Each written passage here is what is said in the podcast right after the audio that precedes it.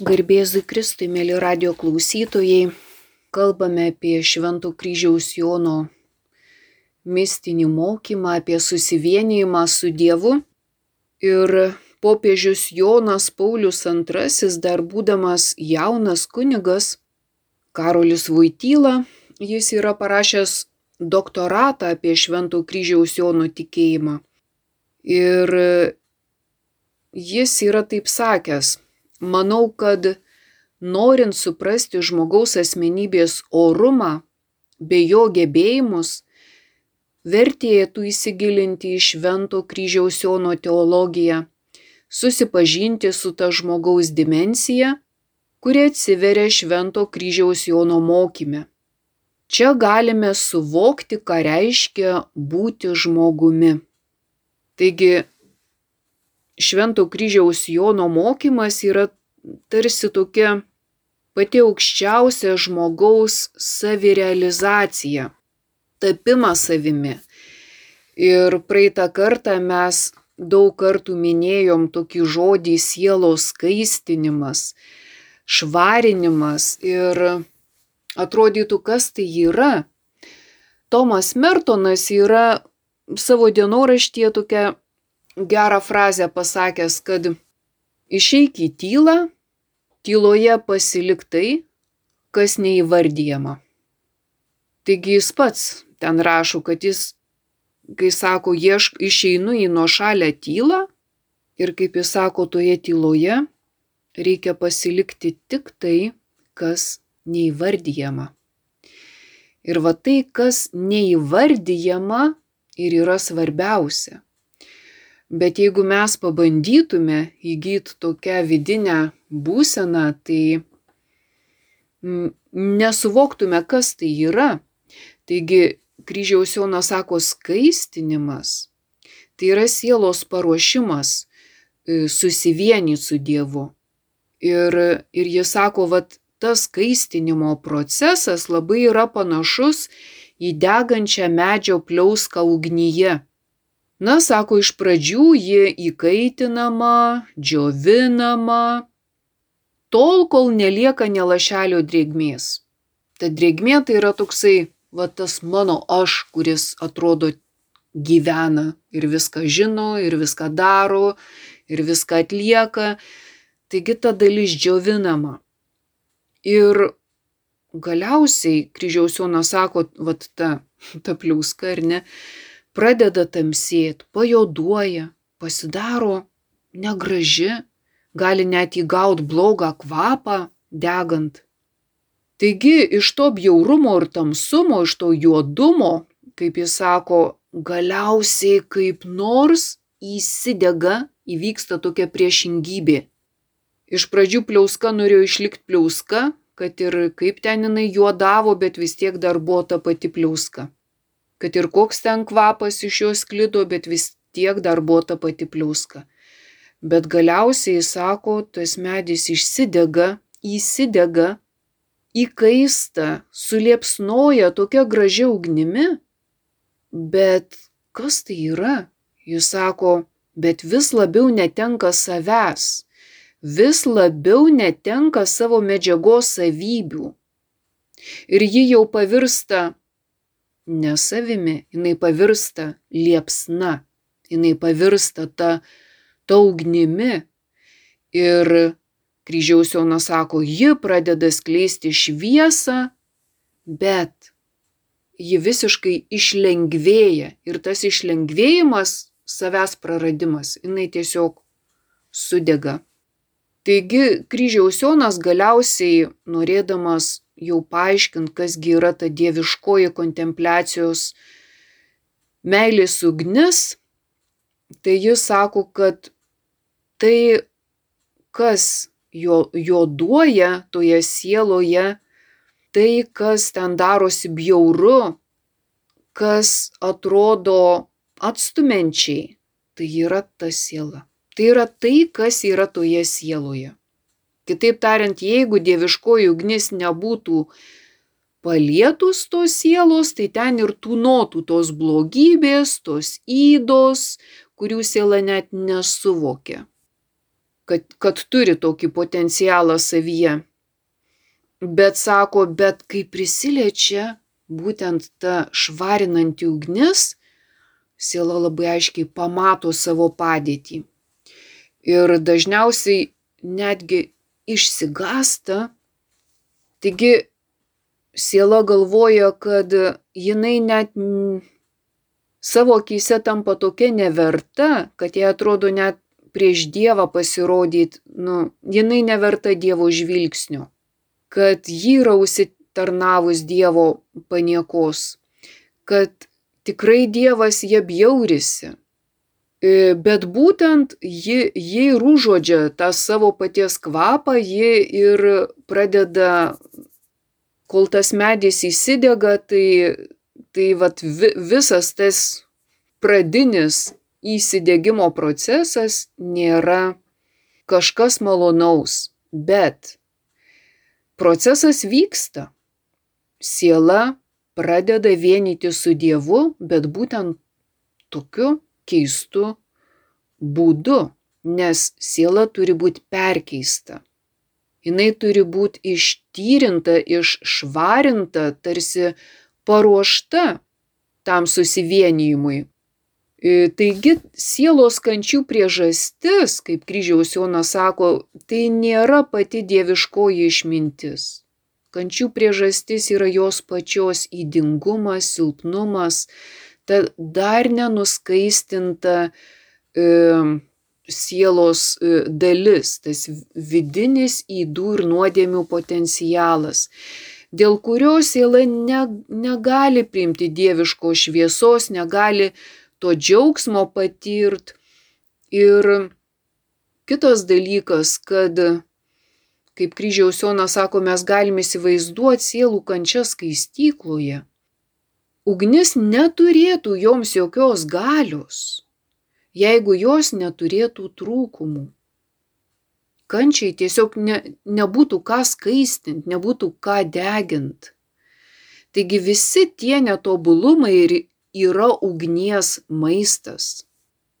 Kai nelieka tų netobulumų, nėra ko ir degint. Taigi, kai nuvalomos visos jos įdos, baigėsi ir kančios. Taigi, kančia lydi mus tol, kol vyksta tas perkeitimo procesas, tas dėgymo procesas, skaistyklos procesas. Vėlgi kryžiaus Jonas sako, priklauso ir nuo to, ar ne, koks yra pats medis. Vienas medis greitai prisims tą įsiliepsnojimą ir greitai sudegs, sakykime, visas tas turinys, o, o kitas medis, kaip jis sako, sunkiai įsidega ir ilgai dega. Tai bet vis dėlto, jeigu visas tas procesas sieloj prasideda, tai anksčiau ar vėliau ta ugnis įsiliepsnoja.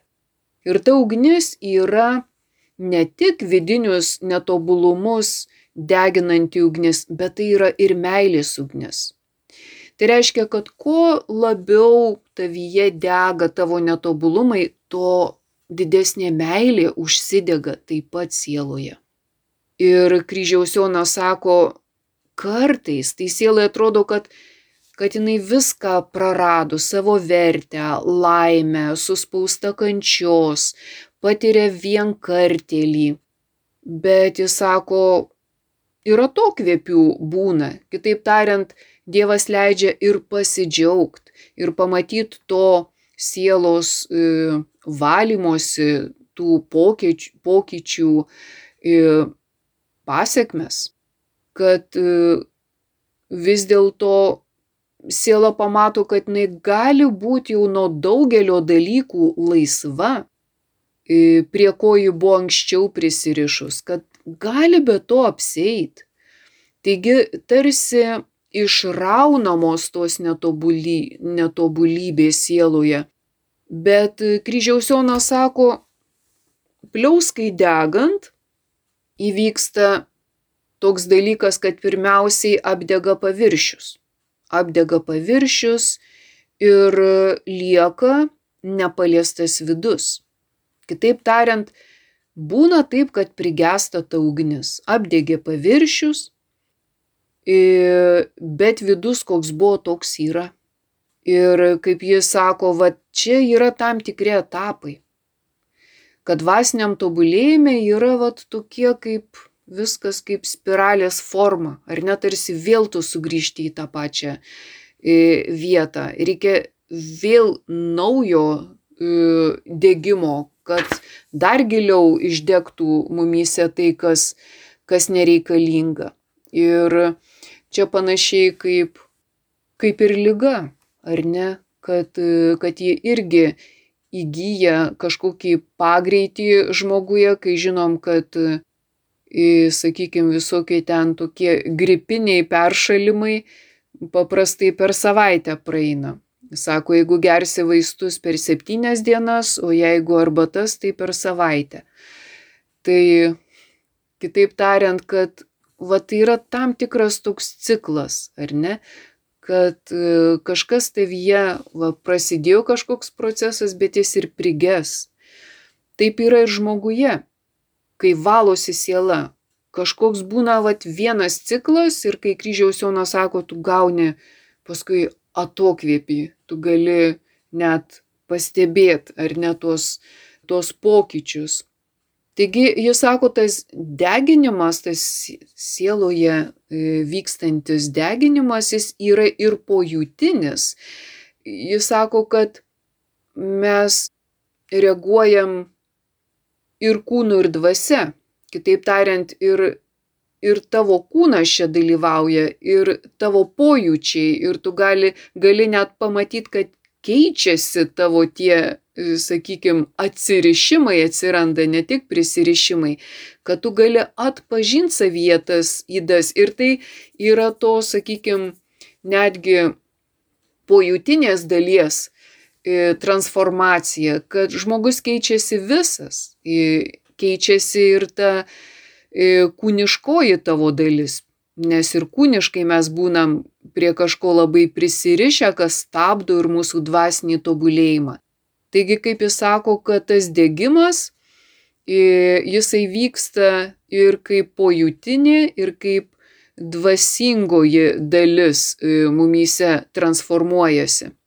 Ir sako, kad vienos sielos yra imlesnės, o kitos, pavadinkim, grubesnės. Taigi, tos subtilesnės sielos užsidega greičiau, grubesnės sielos lėčiau įsidega. Bet jeigu, kaip, kaip jis sako, visas šitas skaistinimas vyksta tokiu stebuklingu būdu. Stebuklingu būdu, nes tu gali pastebėti tą procesą, kad tikrai, kaip Tomas Mertonas e, sakė, kad vis labiau nukrenta nuo tave, sudega tie dalykai, kurie gali būti įvardinti. Tie laikini dalykai, jie tau tampa vis mažiau svarbus. Ir į tą vietą atsiranda kažkoks kitas turinys, nėra laisvų vietų. Kitaip tariant, tu tampi lengvesnis, bet ten ateina kažkas nauja, kažkas kita, kažkas tau iki šiol nepatirta mes galim tikrai pritart, kad dvasiniai dalykai iš esmės jie tikrai vyksta stebuklingų būdų, o tai reiškia, kad tai nėra žmogaus darbas. Ir mes čia galim prisiminti ir, sakykime, Senajam testamente Jobo istoriją arba Tobito knygą, jeigu kas neskaitėt, tai tikrai paskaitykit. Labai iškalbingos istorijos, bet e, tiek Tobito knygoje, tiek ir skaitant Jobo istoriją mes matom, kad, nu, tikrai ten kalbama apie kančią. Kaip ir Tobito knygoje irgi kalbama apie tai, kad jau žmogus neištveria ir jau sako Dievui geriau man mirt, negu gyvent. Jobas irgi jau patekęs į tokią situaciją, kad greičiausiai geriau mirt negu gyvent. Kai žmogus sužino, kad jis susirga kažkokia sunkia lyga, tai tikrai tas skausmas yra didelis ir pojūtinis, ir ta vidinė kančia, ir daugumai atrodo geriau mirt negu gyvent. Ir dažniausiai, kai jau tu prieini visą šitą lūžį, jeigu tu ištveri, ar ne, tą kančią, tą deginimą, tą išbandymą, tai atsiranda kažkas nauja. Tai, ko tu nesitikėjai, nelaukiai, neplanavai, niekaip logiškai negalėjai pats susidėlioti, tai vyksta stebuklingų būdu. Dievas veikia. Dievas keičia, Dievas patraukia. Ir vad jeigu siela išlaiko tą karštį, tai vyksta tai, kaip ir pradžioje sakėm, kad tiek, kiek tavyje sudega nereikalingi dalykai, ar net tiek ten daugiau meilės atsiranda. Ir tada iš tikrųjų siela pajunta, ką reiškia mylėti viešpatį savo Dievą visa širdim, visa siela ir visomis jėgomis. Ir mes žinom, kad ir prieš tai mes šitą įsakymą, įstatymą žinojom, bet mes paėgiam tik vienu procentu. Dabar siela gali dar labiau mylėti viešpatį dar didesne širdim, dar labiau visa siela ir dar labiau visomis jėgomis.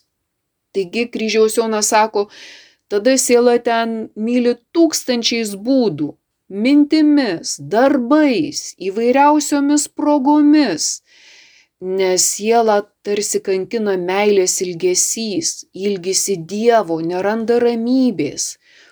Ir tarsi, kaip kryžiaus Jonas sako, sielai visur pasidaro per ankštą. Ji tarsi netelpa savyje, slegia ta kančia, kuri be paguodos, be vilties išvyš šviesą, tu nieko nesitiki.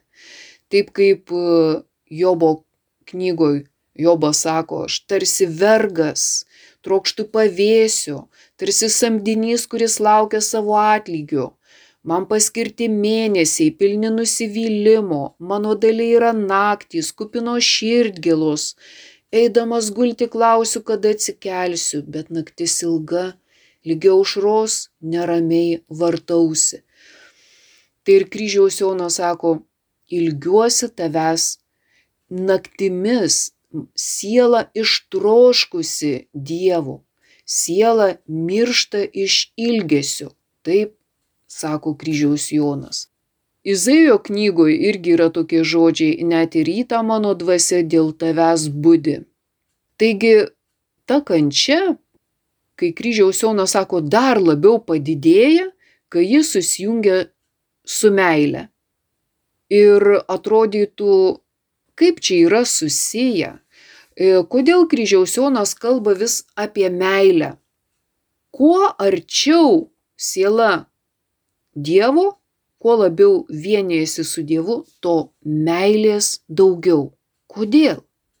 Nes meilė yra gyvybė, nes meilė yra dangaus karalystė, nes meilė yra Dievas. Meilė yra viskas. Be meilės nieko nėra. Kitaip tariant, be meilės yra nebūtis, be meilės yra pragaras, be meilės yra mirtis.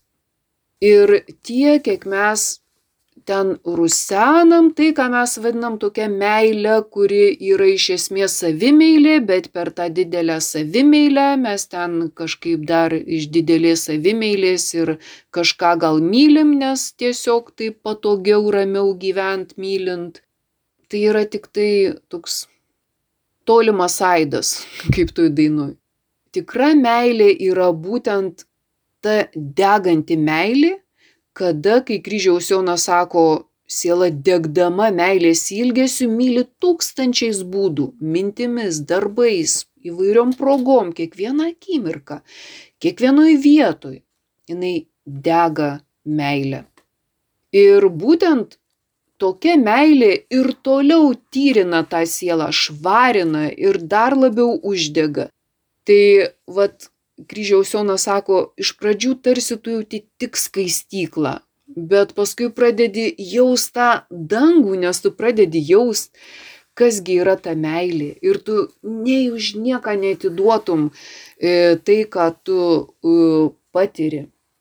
Taigi Simona Veil sako, kad siela galų gale supranta, kad viskas be išimties. Ką siela įvardintų kaip vertinga, jinai pradeda suvokti, kad tai ateina iš kitur, ne iš jos pačios. Kad tai yra dovana, kad tai yra malonė. Bet jis sako, bet ta dovana yra kaip paskola. Kitaip tariant, tu pats neturi, prarasi ir vėl tau jos reikia, ir vėl tau jos trūksta. Taigi kryžiaus Jonas irgi tą patį sako, va, degdama meilės ilgesiu, tu žinai, kad tu iš savęs negausi tos meilės. Tai, ką mes vadinam tą savo meilę, tai kaip tolimas aidas, ar ne, nuo to griaustinio. Tai ir čia panašiai, kad tai, ką mes galėtume pavadinti tikra meilė, tai yra tik paties Dievo meilė. Ir tada siela ir pajunta, kad jinai nieko savyje neturi, tai ne iš jos ta tikra meilė dega kaip ugnis, bet joje. Ir tą sielą tarsi paverčia nie, nieku. Simona vėl sako taip, kad kai supranti, kad esi niekas, tai, kaip jis sako, tada pradedi jūs, kad Dievas myli per tave. Kuo tu esi didesnis niekas, tuo Dievas vis labiau gali mylėti per tave. Taigi jinai sako, mano Dieve, leisk man tapti nieku. Ir kaip jis sako, jeigu aš tik mokėčiau išnykti, kokia tobula būtų meilės sąjunga tarp Dievo ir žemės, kurią vaikštau, jūros, kurią girdžiu.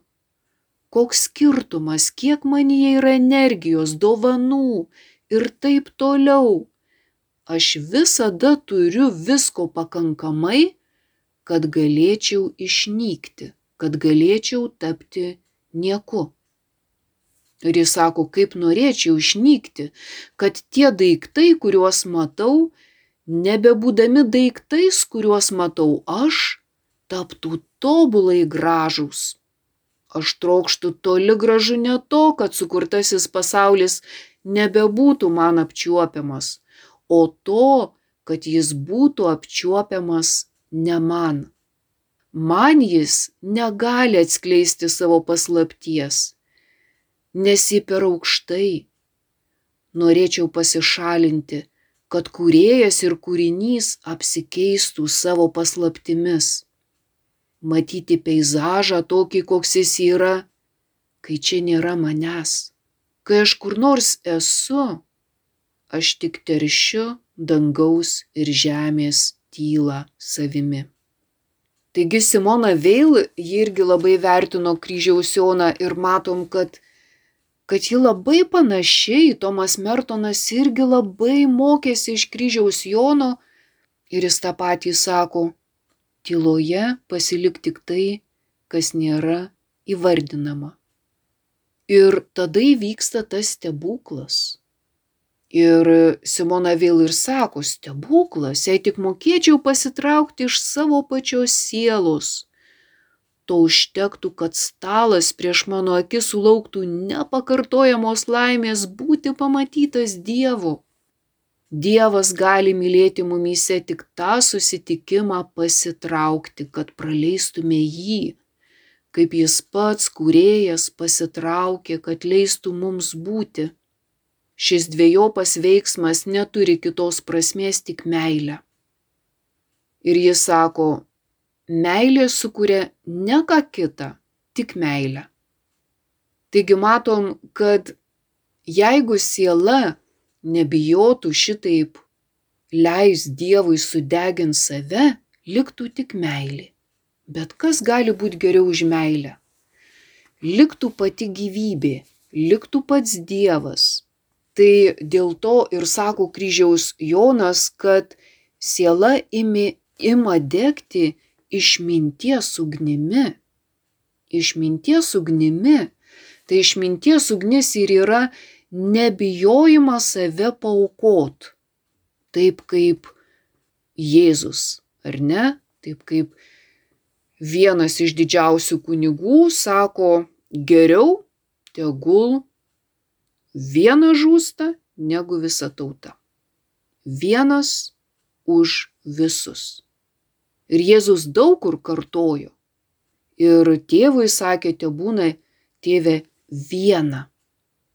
Tegu viskas būna viena. Jis atėjo tam paukot save, kad viskas būtų viena. Ir tai yra, vad kiekvienam užduotis, kodėl reikia siekto aukščiausios mistinės patirties, kurios savo jėgomis nei vienas iš mūsų nepasieksim, tai yra Dievo dovana, bet įgy tokią laikyseną, apie kurią kalba kryžiaus Jonas ir kaip Jonas Paulius II sako, kad tai ir yra tokia aukščiausia žmogaus realizacija. Taigi siekti vienybės su Dievu reiškia gauti mylinčios išminties ugnį. Ir tai išmintis yra Dievo išmintis. Kol mes savo išmintim gyvenam, mes gyvenam, kaip Simona vėl sako, me, mes teršiam viską. Nes tai yra va tas teršiantis egoizmas. Ir mes jo net nepastebim. Mums atrodo, kad čia viskas gerai, kad čia viskas tvarkoj, kol nepradeda sielui degtas egoizmas. Ir tai apie ką šiandien ir kalbėjom, ir jis degdamas nekokius pojūčius sukelia, bet kryžiaus Jonas sako viskas gerai, taip ir turi būti. Taigi mylinti išminties ugnis eina kartu su meile, nes tai išmintis ir yra meilė, o meilė ir yra išmintis. Dėl to kryžiaus Jonas sako, ta tamsioji kontempliacija kaip tik ir suteikia sieloms meilę ir išmintį, aišku, kiekvienai pagal jos imlumą ir kiekvienai pagal jos poreikį. Apšviesdama tai išmintis ir ištyrindama tą ankstesnį sielos nežinojimą. Taigi mes žinom tik apie laikinus dalykus, bet kai tas žinojimas yra sudeginamas, tai tada ir lieka visi tie neįvardyti dalykai. Mes kiekvienas ieškom visur tikrumo, kad viskas būtų tikra. Bet tikrumo laikinuose dalykuose nėra. Tik amžinuose. Ir visa tai yra iliuzija. Ta pati Simona vėl sako, kad tai yra iliuzija, bet mes jos nepastebim. Tie mūsų prisirišimai yra realūs, konkretūs, o tai prie ko mes prisirišę, tai yra iliuzija, tai yra apgaulė. Ir mes visą laiką apsigaunam prisirišdami prie tų išorinių dalykų. Dėl to tas Tomo Mertono toks patarimas išeiti į tylą ir, kaip jis sako, kad tyloje pasilik tik neįvardėjimus dalykus. Nes mes kartais išeinam į tylą su dideliais pykčiais, įtarimais, pavydais, godumu ir visom kitom įdom ir ta tyla yra tokio triukšmo pilna. Ir vad sudegintą triukšmą. Tai tada pradedi pajus, kad tikrai, kaip tie šventieji sako, esu net nevertas Dievo akise, kad jis į mane pažvelgtų. Taigi, kai siela apšviečia ir skaistina tą dievišką išmintis, Tai yra kažkas tokio, kai kryžiaus Jonas sako, kad tu gauni tarsi angelų žinojimą. Jis sako, tai išmintis, jinai eina per visas tikrovės plotmes. Jis sako, tai išmintis pašalina ir angelų nežinojimą. Ir iki pačių žemiausių hierarchijos lygmenų, kitaip tariant, iki mūsų irgi prieina ta pati išminties šviesa. Taigi, sako, aukštesnėse dangaus hierarchijos pakopose yra angelai. Ir juo arčiau Dievo, tuo labiau jie yra išgryninti, apšviesti, o tuo tarpu žemiau esantys e, to šviesos turi tarsi silpniau, bliškiau. Taigi, kaip jis sako, žmogus savyje mažai turi to žinojimo šviesos, bet būtent per tą kontempliacijos ugnį, per meilės ugnį, jisai yra išskaistinamas ir tada kryžiaus jaunas sako, tarsi ta šviesa kaip angelus apšviečia, natūralu, kad pasiekia ir tą silpną, netyrą žmogų. Ir todėl tas žmogus, jisai per tamsą eina į šviesą, nes jis yra tarsi toliausiai, kalbant apie tą hierarchinę buvimo vietą, sakykime, angelai yra arčiau Dievo, žmogus yra žemiau. Ir kaip jis sako, va, todėl jame yra tos tamsos daugiau. Ir jis sako, natūralu, kad žmogus yra ir silpnas, ir netyras, ir tos tamsos jame yra daugiau. Ir, vad sako, kaip tas spindulys, kai patenka į akis, jis apakina, o ką kalbėt, kai tas spindulys paliečia lygotas akis. Jas tiesiog skauda tas akis, nes bėga ašaros ir tu ilgai negali atgauti akių šviesos, taip sakytume. Taigi Dievas, kaip kryžiaus Jonas sako, suteikia meilę, leisdamas kentėti tol, kol meilės ugnis sudvasina, sutaurina, išskaistina sielą, užlieja, uždega ją meilę kaip kokią angelo sielą. Ir tada toje sieloje atsispindi pats Dievas, o sieloje lieka tas Dievo ilgesys. Taigi mes žinom, kad ir Jėzus, kai išsakė visus aštuonis palaiminimus, jis kalbėjo apie tą dvasios beturtį, apie tą išnykimą, kuo tu esi mažesnis, kuo tu esi didesnis, niekas savyje, tuo tu esi arčiau Dievo karalystės. Palaiminti dvasios beturčiai, jų yra dangaus karalystė. Nes jie mažiausiai turi to ego, jis jau yra sudegintas. Nes mūsų egoizmas mus moko gyventi nemailę. Ir matom, kad iš egoizmo mes labai daug įdų visokių turim savo viduje. Bet meilė naikina tą ego, degina. Ir tas degimas yra skausmingas, bet kryžiaus Jonas sako, šviesa spindi tamsoje. Kuo labiau jis dega, tuo daugiau ir šviesos uždega mumyse. Todėl jis sako, ta meilės liepsna kažkaip labiausiai paliečia mūsų valią. Nes kai mes kenčiam viduje, tai protas tarsi sustingsta, nes deginamas ir mūsų tas toks žinojimas. Prieš tai mes žinojom vienokias taisyklės, ar ne, kad akis už akį, dantis už dantį, o dabar ta taisyklė manyje dega. Ir protas lyg sustoja, jisai komos būsenoj. Bet kryžiaus jaunas sako, taip tos galios irgi valomos visos kartu, bet valia jinai užsidega, ta gera valia. Ir šitoj vietoj jis sako, vad, užsidega valia gyventi meilę. Tu lyg ir visiškam nežinojime, ar ne, kaip apie Jėzaus mokinius sakė, jie kaip prisigėrė jauno vyno, kas čia su jais darosi.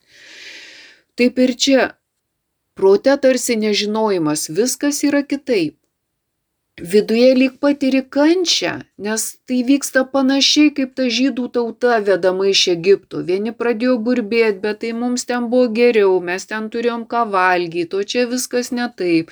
Čia ta mana yra nepanaši ten į tas e, mėsas ar ne su česnakais. Čia nu ne tas maistas, čia nu ne taip jaučiuos. Taip ir mūsų viduje, bet kryžiaus Jonas sako, vad tas nežinojimas irgi dega, tas šiaudinis, ar ne, e, tas prisirišimų žinojimas.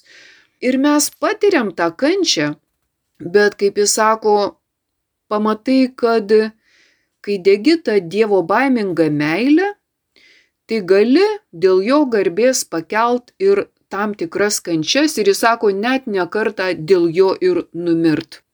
Ir jis sako, jeigu tokią pagarbos Dievui meilę uždega ta visa naikinanti dar didesnė ugnis, tai tada siela įsiliepsnoja taip, kad jau nekreipia dėmesio į tai, kas buvo anksčiau ir imasi daryti neįmanomus dalykus. Ir mes žinom, kad tie neįmanomi dalykai tai ir yra tas tapti nieku.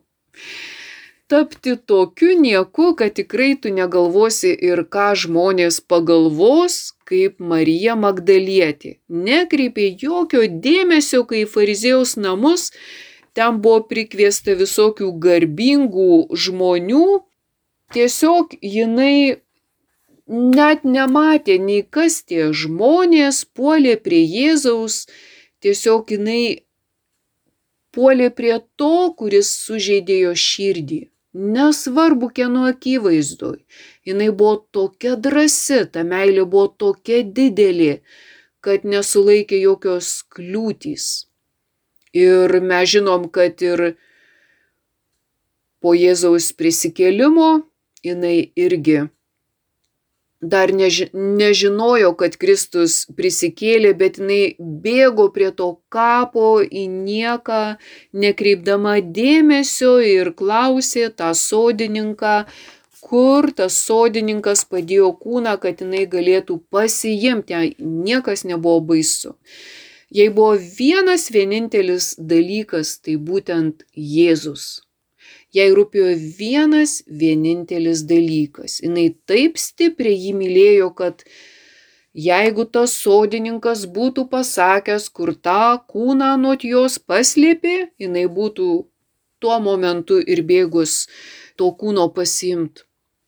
Kol tas sodininkas neprisistato, kas jis toks yra. Taigi matom, kad ta meilė yra tokia stipri, kaip kryžiaus Jonas sako, kad protas yra komoj, nutilęs, nes jame viskas keičiasi, tas žinojimas netenka jokios vertės, ką siela žinojo anksčiau. E, bet valia e, užsidega va, ta didelė meilė ir jai nėra neįmanomų dalykų.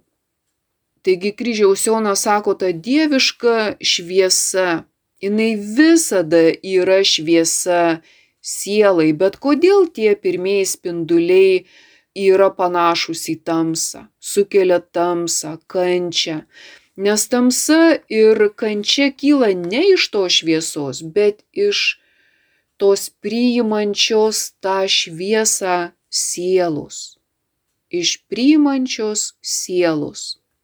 Kitaip tariant, kad tas tamsumas glūdi sieloje, tas tamsumas, skurdumas ir kai Dievas prisiliečia prie tos sielos, tai pirmiausia jinai ir pajunta tą tamsą, tą sunkumą, tą savo skurdumą, nes jinai dar nėra išvalyta, nėra švari.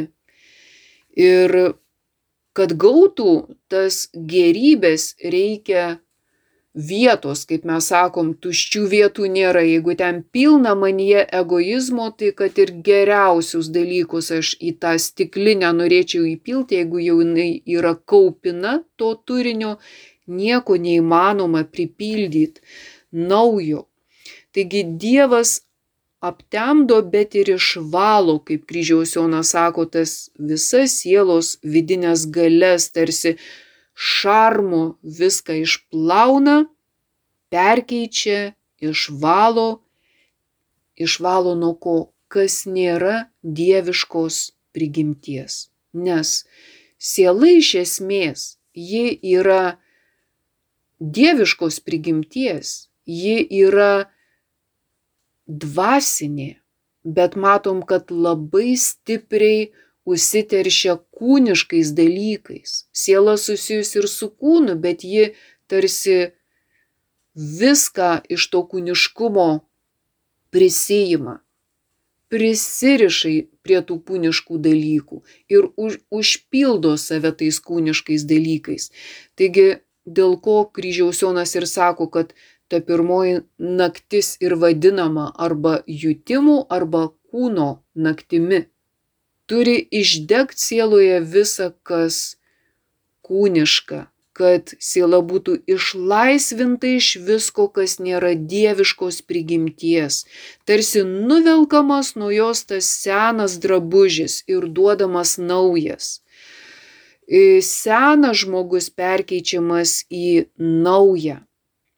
Ir todėl čia kaip tik ir didžiausią reikšmę turi valia. Kiek tu tą savo gera laisva valia leidi Dievui veikti savyje, kad jis tave perkeistų. Todėl pati siela jinai yra tokioje kaip ir tylioje, ramioje, nieko neveikiančioje būsenoje, bet tas nieko neveikimas ir yra atsidavimas Dievui ir atidavimas visko į Dievo rankas.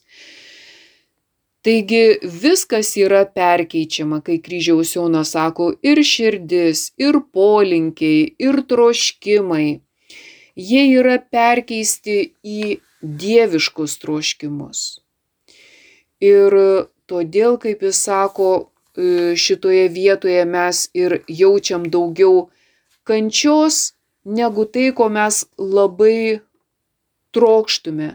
Bet siela turi išlikti toje pasyvioje, kaip jis sako, būsenoje, kada ji netenka to ankstesnio turinio. Sieloje užmigdomi, apmarinami tie ankstesni kūno troškimai, kuriais siela mėgavosi, jie nuslopinami, vaizduotė išvaloma, protas, kaip sakėm, lyg aptemdomas, nes žinojimo turinys iš esmės keičiasi ir todėl siela lyg netenka to veiksmingumo, jinai tampa pasyvi, ji keliauja tamsoje, bet, kaip kryžiaus Jonas sako, nesustabdyta. Ir kiek ji atsiduoda į Dievo rankas, tiek ji nesuklysta. Taigi šitoje vietoje ir matom, kad nesvarbu, kaip tu esi išbandomas, ar ne, kaip minėjau, Jobo knygą, kur Jobas turėjo iškest tikrai įvairiausias kančias, kaip mes sakytume, visko neteko. Ir net buvo išvarytas už miestų, kaip, ne, kaip nevertas, kaip netinkamas būti su kitais žmonėmis, tapo visišku nieku. Bet nuo to momento ir prasideda tie tikrieji pokyčiai. Taigi Jėzus neša kryžių, jis irgi tampa visišku nieku, ar ne? Tik buvo šaukiama Osana. Sekančią dieną ant kryžiaus jį matom, kaip šitam pasaulyje gali viskas keistis. Ir jeigu siela yra toje dieviškoje meilėje, Taigi Jėzus, jis priima ir tą ozaną, jis priima ir kryžių. Ir kryžių neša vėlgi su meile, ne su neapykanta, bet su meile. Ir matom, kaip tas kryžius pakeičia visus, kas yra arti kryžiaus. Taigi Jėzus moko savo pavyzdžių, kaip mes turėtume priimti kryžius, vargus, kančias, skausmą, problemas, išbandymus, kaip tas dovanas, kur nepasibaigė niekas to tuo momentu. Taigi tas pats Jonas Paulius II sako, kad sekant kryžiaus Jonu, tu supranti, kad kiekvieno iš mūsų tikslas yra susivienimas su Dievu. Bet tas kelias yra nukryžiuotojo Kristaus kelias. Susivienyti su Dievu mes galim tik tokiu pačiu būdu kaip Kristus. Susivienimas su juo nukryžiavimu tai ir kryžiaus Jonas, net jo vardas yra kryžiaus Jonas, jis irgi nemato kitos išeities. Dievo patirtis yra Kristaus atidavusio gyvybę už visus dvasia. kaip Paulius sakė, šventas Paulius. Būkime Kristaus nusistatymu. Gyvenkim Kristaus dvasia. Ir čia yra pagrindinis dvasios gyvenimo dėsnis ir taip pat kiekvieno krikščionio gyvenimo dės, dėsnis - gyventi Kristaus dvasia, būti tokio nusistatymo, kad tik kančia, prisimta kančia su meile nuves į prisikėlimą. Taigi išgyvenkim tą didžiąją savaitę tyloje, kaip Tomas Mertonas sakė, atmesdami viską, ką galim įvardinti. Tegul lieka tie tikri dalykai, tegul lieka Kristaus dvasia, tegul lieka meilė, tai kas svarbiausia ir šiame, ir apskritai gyvenime. Ačiū uždėmesi su Dievu. Kalbėjo daktarė Bronė Gudaitytė. Likite su Marijos radiju.